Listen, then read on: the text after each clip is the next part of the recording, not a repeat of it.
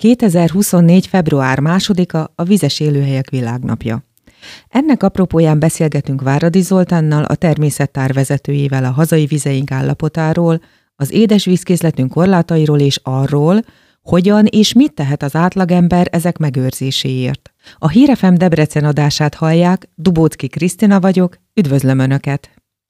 Mit akar ez a kifejezés, hogy vizes élőhely? Ugye a vizes élőhelyek azok lesznek szerte a világban, ahol valamilyen szinten kisebb-nagyobb vízfelületek tartósan megmaradnak. Azért azt hozzá kell tenni, hogy ez a vizes élőhelynek a védelme, ez elsősorban egy, egyébként a vonuló vízi madarakra irányul, de természetesen ehhez már hozzá kapcsolódik minden más egyéb vízi szervezet. Tehát akkor tulajdonképpen, hogyha nagy esőzések miatt valahol nagyobb vízterület alakul ki, már az is vizes élőhelyé válhat. Abban az esetben, hogyha ott megtalálhatók tartósan azok a vízi szervezetek, amelyek ezt a vizes élőhelyet fogják majd igényelni. Ugye a vizes élőhelyeknek a vonatkozásában szerintem a legegyszerűbb nekünk itt Debrecenieknek azokat a vizeket figyelembe vennünk, amelyek, hogyha kimegyünk a Hortobágyra, és ott ezek tartósan megmaradnak. Tehát akár a hóolvadás után, ugye egy pár évvel ezelőtt voltak olyan tényleg csapadékos nyarak, amikor kimentünk, sőt inkább a tavasz is, amikor kimentünk, és még nyáron is megvoltak ezek a tocsogós részek, és ez kifejezetten kedvez a vízi madaraknak, azoknak is, amelyek itt élnek, illetve hát azok is, amelyek vonuló életmódot folytatnak. Ez is lett volna a következő kérdésem, hogy milyen konkrét vizes élőhelyek vannak Debrecenben és itt a környéken, Hajdubihar vármegyében. Ugye Debrecennek azért érdekessége, hogy nekünk nincsen folyónk, nincsen semmilyen olyan nagy vízfelületünk, ami számos más nagyvárosnak, vagy akár kisebb városnak is adott. A mi esetünkben a legközelebbi, mondjuk az, hogy természetes vizek, azok mind-mind a Hortobágyra fognak majd oda kitevődni. A Hortobágyon lévő vizes élőhelyek viszont tényleg igazi madárparadicsomok, és ugye a vizes élőhelyek véde védelme az elsősorban a madárvilágra irányul, de fontos azt figyelembe vennünk, hogy rajta ki, a madarakon kívül még ezernyi más olyan élőlény van, ami valamilyen szinten vízhez, vízhez kötött. Ilyenek például egyébként a kétéltűek, ugye, amelyeknek a szaporodása az mindenképpen ö, vízhez kötött, de ott vannak a halak, és rengeteg olyan gerinctelen állat, tehát puhatestűek, izetlábúak, amelyek szintén ezt igénylik. Február másodikát említettem az előbb. Hogyan jött létre ez a világnap? Mit kell erről tudni? Ez egy nagyon érdekes volt, ugyanis ezt a Ramsári Egyezményhez kötjük, hogy ugyanis ekkor, február másodikán 1970-ben írták alá ezt az egyezményt, ami kifejezetten ezeknek a vizes élőhelyeknek a megóvására irányult. Aztán későbbiek folyamán ehhez az egyezményhez, mert 1970-ben még Magyarország nem volt tagja ennek az egyezménynek, 1979-ben csatlakozott majd hozzá, és azóta most már több mint 130 ország csatlakozott ehhez a a e, nagyszerű egyezményhez, és be is tartják egyébként. Ugye a fontos az, hogy ki kell jelölni a különböző országokban, amelyek csatlakoznak azokat a e, fontos e, vizes élőhelyeket, amelyeknek a védelméről fog ez az egyezmény gyakorlatilag mondjuk azt, hogy szólni, illetve hát ezek, ezt mindenképpen be kell tartani. Magyarországon egyébként ide tartozik például a Tataitó, a Fertőtó, a Hortobágy és számos más ilyen vizes élőhelyünk. Tehát akkor nekünk is van mit védeni bőven. A föld édesvíz készlete adott, és állítólag mára körülbelül hatszor annyit használunk, mint amennyit évtizedekkel vagy évszázadokkal ezelőtt. Mit jelent ez a mindennapokban, és hogyan lehet tenni azért, hogy ez az édesvízkészlet valamennyire azért megmaradjon a jövő generációinak is? Ugye, hogyha csak a lakosságot nézzük, akkor tényleg érdemes ugye elgondolkodni rajta, hogy mennyire nagy fogyasztók lettünk. És ugye ami megvan, és azt könnyű megszokni, a jót ugye mindig azt szoktuk mondani, hogy könnyű megszokni, innentől fogva, amikor ennek hiánya van, akkor fogjuk majd ezt igazándiból érezni, hogy mennyire vagyunk pocsékolók. A, a legnagyobb pocséklás egyébként az én számomra, és most az ipart azt nem is veszük bele, még mindig maradunk a lakossági, vagy akár, a, akár közületi fogyasztásoknál, hogy olyan egyszerűen húzzuk le például a WC-ket ivóvízzel, de közben, amikor a környezeti nevelési programjainkat tartjuk, és amik pontosan erről szólnak, hogy például hogyan lehetünk takarékosak, hogy hogyan lehetünk környezettudatosak, akkor tényleg sok, és például a gyerekeknél tartjuk ezeket a foglalkozásokat, akkor sokaknak kinyílik a szeme, hogy úristen tényleg, hogy el lehetne zárni azt a csapot, amikor rövidebb idő alatt is lehet kezet mosni, vagy például akár fogmosás közben nem kell folyatni a vizet, vagy lehet olyan szűrőket a csapokba beépíteni, építeni, amelyek levegővel dúsítják a vizet, és így gyakorlatilag sokkal kevesebb vizet fogunk használni. Amikor erre rádöbbenünk, akkor, akkor tényleg az sokabban tudatosul, hogy tényleg ez, ez egy nagyon-nagyon fontos momentum, és nem csak azért, mert kevesebb lesz a vízszámla, hanem itt a környezettudatosság is előtérbe lép.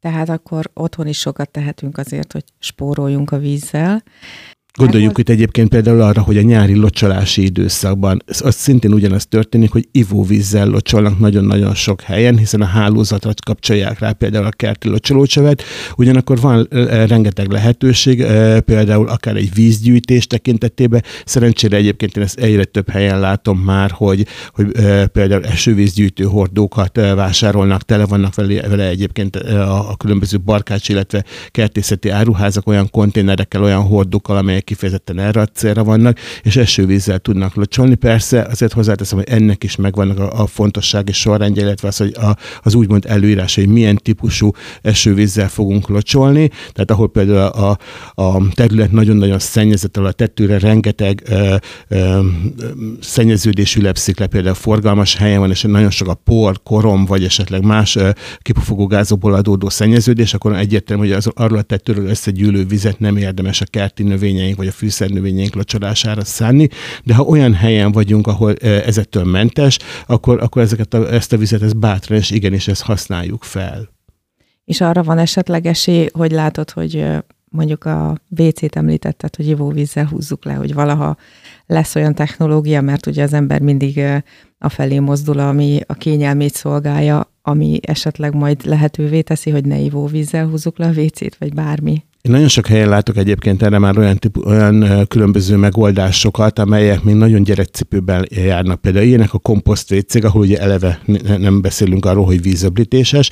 Ugyanakkor láttam már olyan modelleket is, igaz, ezek tényleg csak bemutató szinten voltak, hogy a WC tartálynak a felső része az a kézmosó, és a kézmosóból összegyűlő víz, az folyik bele a WC tartályba, tehát már eredetileg, már, vagy eleve már egy szürke vízzel fogjuk a WC-t leöblíteni, nem pedig egy kiváló minőségi ivóvízzel. A vizes élőhelyek az alapvető témánk, de ugye ehhez közvetlenül kapcsolódik az édesvíz is, az édesvízkészlet, ezért is beszéltem erről.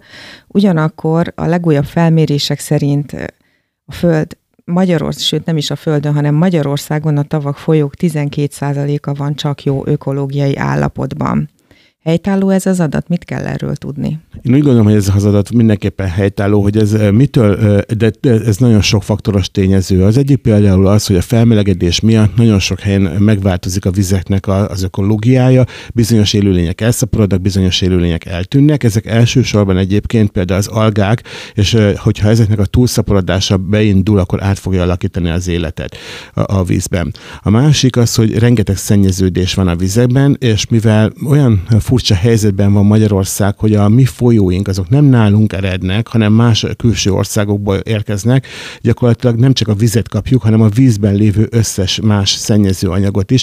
Gondoljunk itt egyébként például akár a, a 2020-ban történt ciánszennyezésre, ami ugye a Szamost és a Tiszát érintette, illetve gondoljunk arra, hogy évről évre és nap mint nap iszonyat mennyiségű műanyag hulladék érkezik a vizeinkbe, például az ukrán oldalról, és ugye erre irányulnak azok a nagy kampányok, amikor ugye akár a PET kupát veszem, amikor a rengeteg PET palackot és más egyéb szennyeződést szednek ki a vízből, hát ez bizony nagyon nagy mértékben befolyásolja a mi vizeink ökológiáját, hiszen a PET palackok esetében ugye ez egy műanyagról van szó, amire azt mondjuk, hogy a lebomlási ideje az 200-250 év, de nagyon jól tudjuk, hogy nem bomlik le 250 év alatt, hanem széthullik mikroműanyagokra, ezek a mikroműanyagok pedig ott maradnak a vízben, és innentől fogva bekerülnek a táplálékláncba, súlyosan fogják szennyezni az ott lévő életet.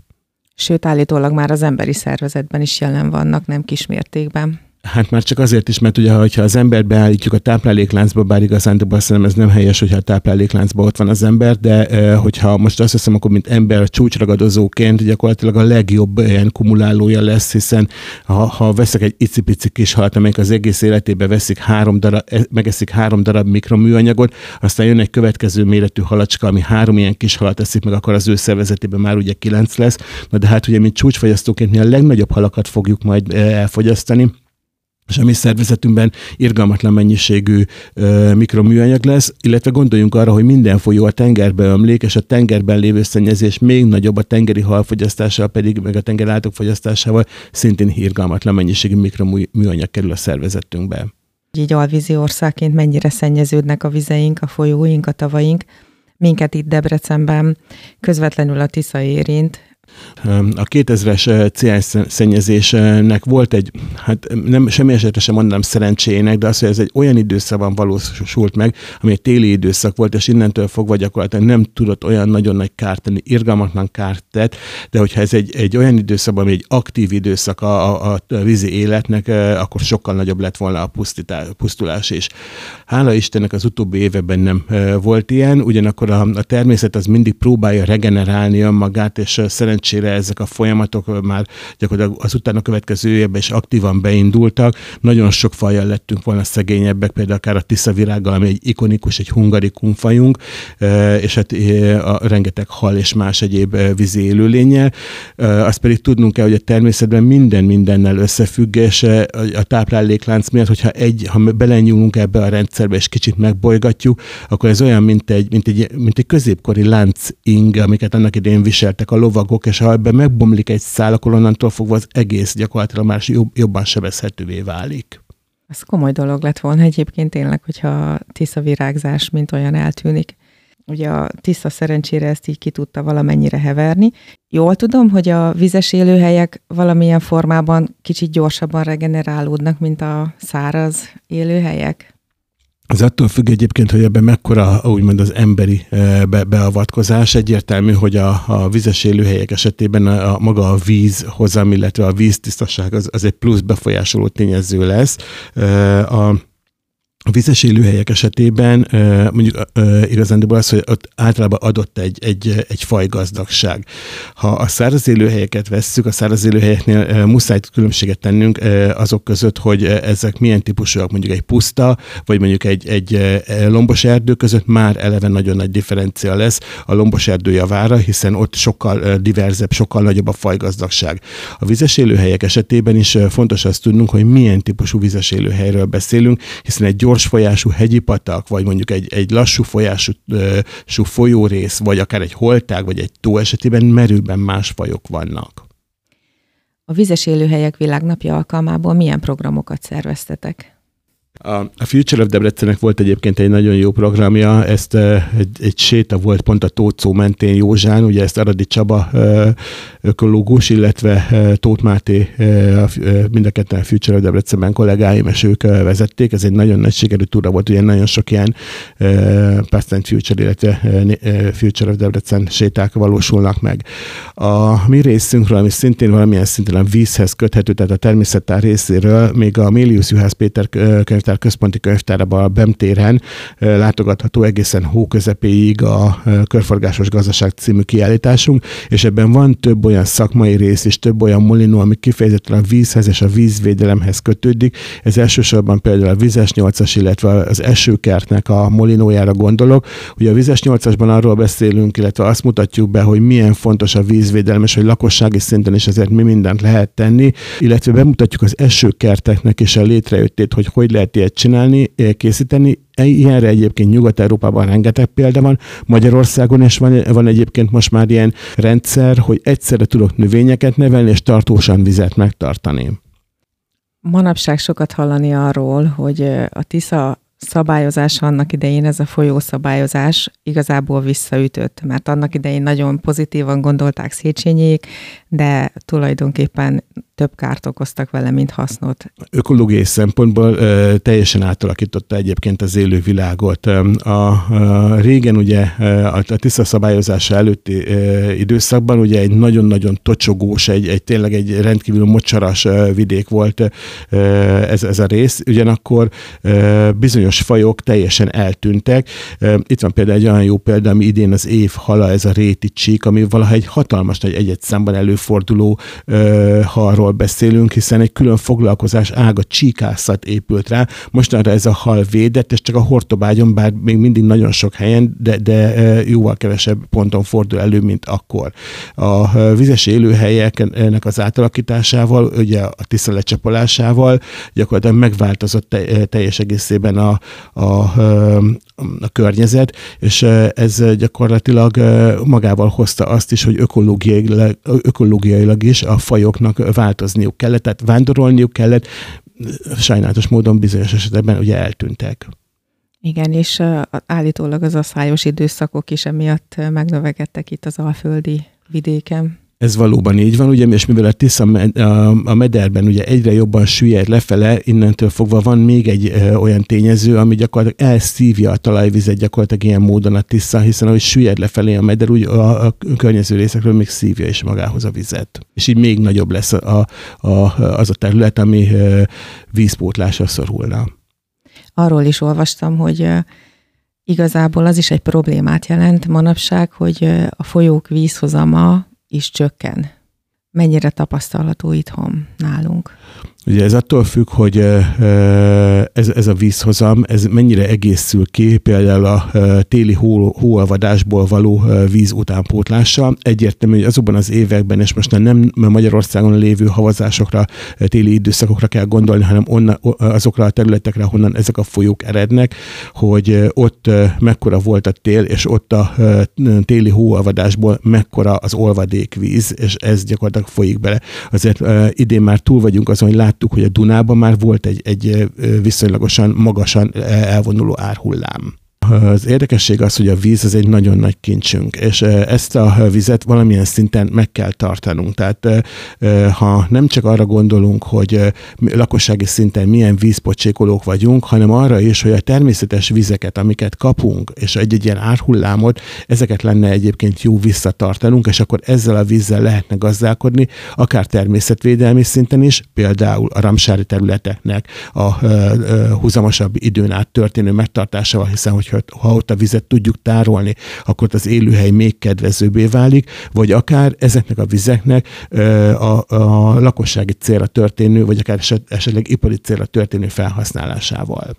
És erre lehet, van erre lehetőség? Ugye erre van ö, olyan téren lehetőség, hogy illetve ö, egyre inkább foglalkoztatja ö, nem csak Magyarország, hanem más országoknak is a vezetését, hogy ezeket a vizeket valamilyen szinten vissza kell tudnunk tartani. És hogyha ezeket a vizeket megtartjuk, akkor onnantól fogva nem okoz esetlegesen olyan nagy problémát, hogyha időszakosan a folyóknak a vízállása vagy vízhozama csökken. Szóba került a vízszennyezés, hogy az mekkora problémát jelent a hazai vizeknél is, de a klímaváltozás is egyfajta vízcsökkentő tényező. Igen, ugye itt elsősorban arra gondolunk, hogy a, a nyári időszakban, de természetesen nem csak a nyári időszakban fog ez megvalósulni, csak itt a nyár, nyári időszakban látványosabb, ugye a, pláne abban akkor, amikor hosszan, hosszú heteken át tényleg asszályos és csapadékmentes napokat élünk meg. Ilyenkor történik az, hogy egyszerűen muszáj valamilyen szinten pótolnunk a vizet, akár hogyha ha csak a kiskertekre gondolok, de a mezőgazdaság szempontjából is, és ilyenkor vízkivételezést kell alkalmazni. Egy mezőgazdaság esetében ez, ez nagyon nagy mennyiségű vizet fog majd eh, jelenteni, hogyha az öntözésre gondolunk. Ugyanakkor eh, ezeket a vizeket eh, a, valahon, valahonnan elvesszük, és ilyenkor ez bizony-bizony nagy hiányokat fog majd eredményezni. A másik rész az szintén a nyári időszakban szokott nagyon látványosan és sokak számára nagyon kedvezőtlenül megtörténni, amikor van egy hatalmas nagy nyári felhőszakadás, amikor irgalmatlan nagy, nagy esőtömeg, nagy víztömeg zúdul le, viszonylag nagyon-nagyon rövid idő alatt, és és ezt a vizet eh, nem tudjuk megtartani, illetve nagyon rosszul tudjuk megtartani, például ugye elönti a lakossági eh, utcákat, házakat, eh, és ez egy nagyon jó víz lenne szintén, de sajnálatos módon ugye csatornába vezetjük el.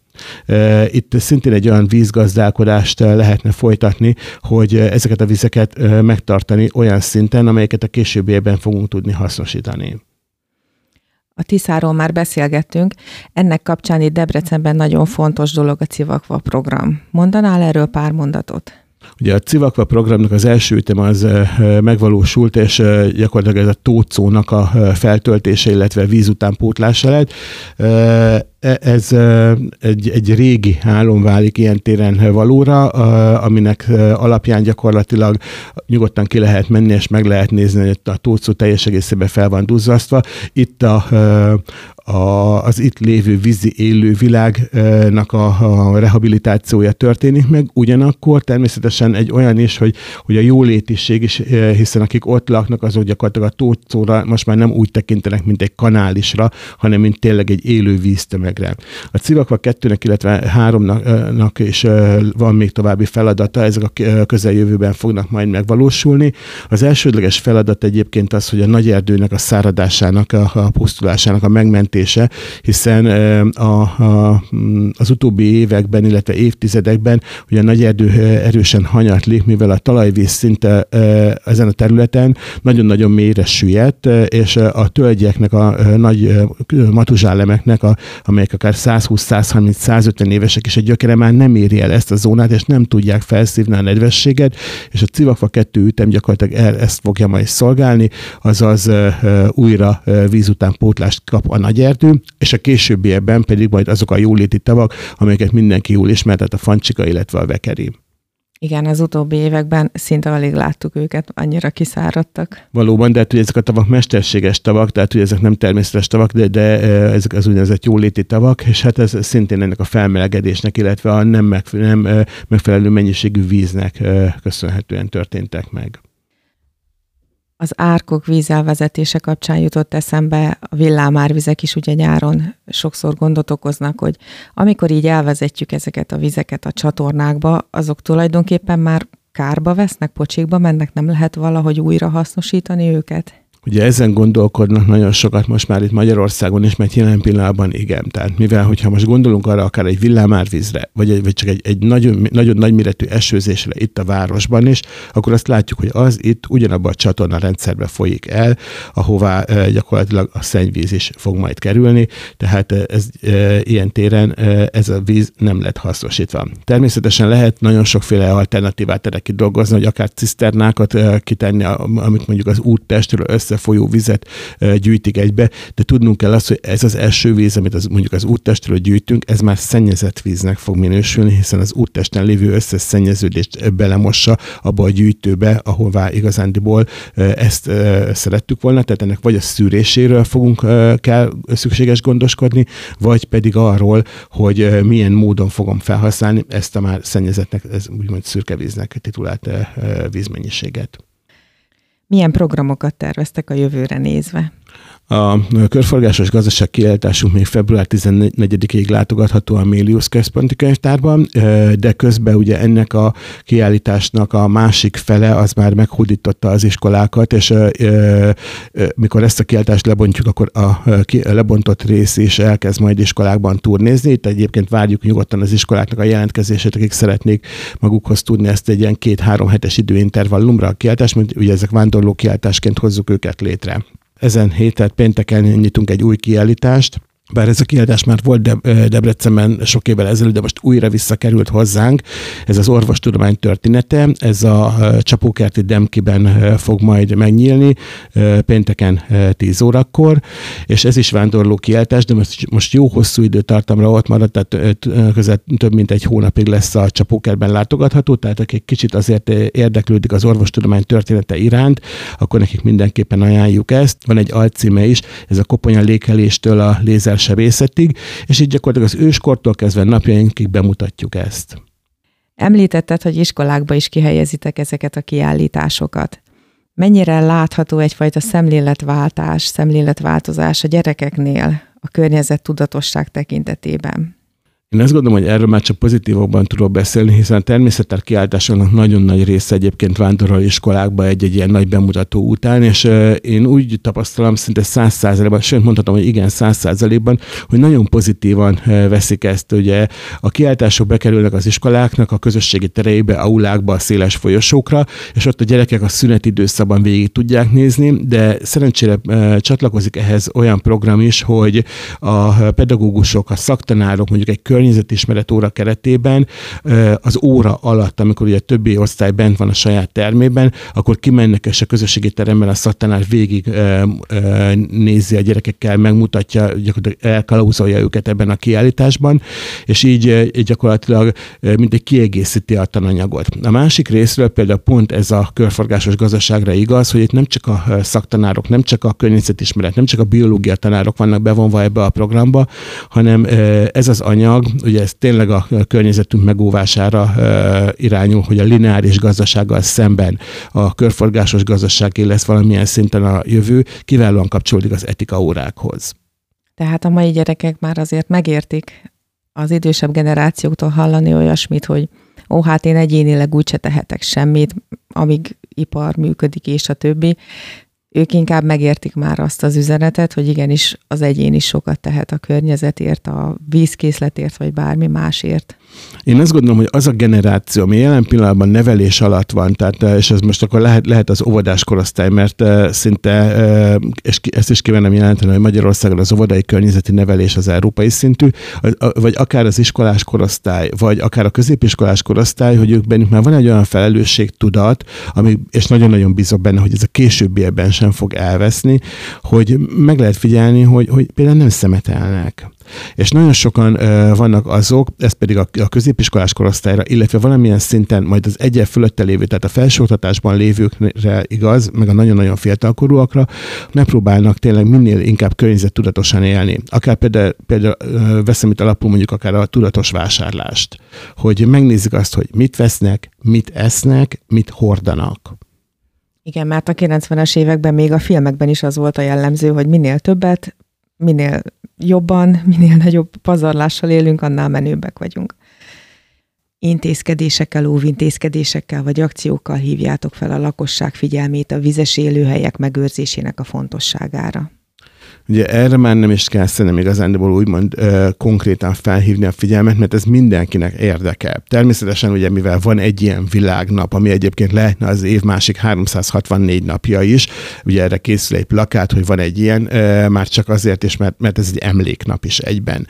A vizes élőhelyek védelmére való felhívás az, az mindannyiunknak az érdeke. Divat lett, és nem is, azt mond, nem is jó ez a szó egyébként, tehát egyre többen vannak azok az emberek, akik szívesen töltik az idejüket a természetben. És egyre többen vannak olyanok, akik ezt aktívan teszik, hogy például fényképeznek, vagy tényleg madarat figyelnek meg. Egyértelmű, hogy ha, ha ilyet szeretnénk tenni, akkor szükségünk van ezeknek az élőhelyeknek a megóvására. Mit tehet az átlagember az édes vízkincsünk védelméért, megőrzéséért? Ugye egyértelmű, hogy a, a választ azt a fogyasztásunkban kell keresni. Tehát minél takarékosabban, minél takarékosabbak vagyunk, minél jobban átgondoljuk a vízfogyasztásunkat, a vízpazarlásunkat, akkor ettől fogva gyakorlatilag biztosabbak lehetünk abban, hogy ha mi helyesen cselekszünk, vagy akár legyünk példamutatóak, és erre egyébként nagyon-nagyon sok példa van. Tehát ma már egyébként, ha nem is Magyarországon, de egyébként Magyarországon is van rá példa, de tőlünk nyugatabbra is vannak már olyan mondjuk azt, hogy influencerek, akik megmutatják azt, hogy én így tudok élni, és be, be lehet ezt mutatni, hogy és igen, tudok így élni.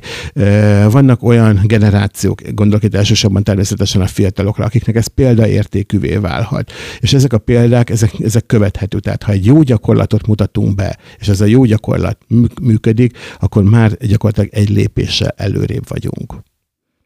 Akkor ennek jegyében vigyázzunk a vízre, mert közös kincsünk. Köszönöm szépen a beszélgetést. Én is köszönöm szépen.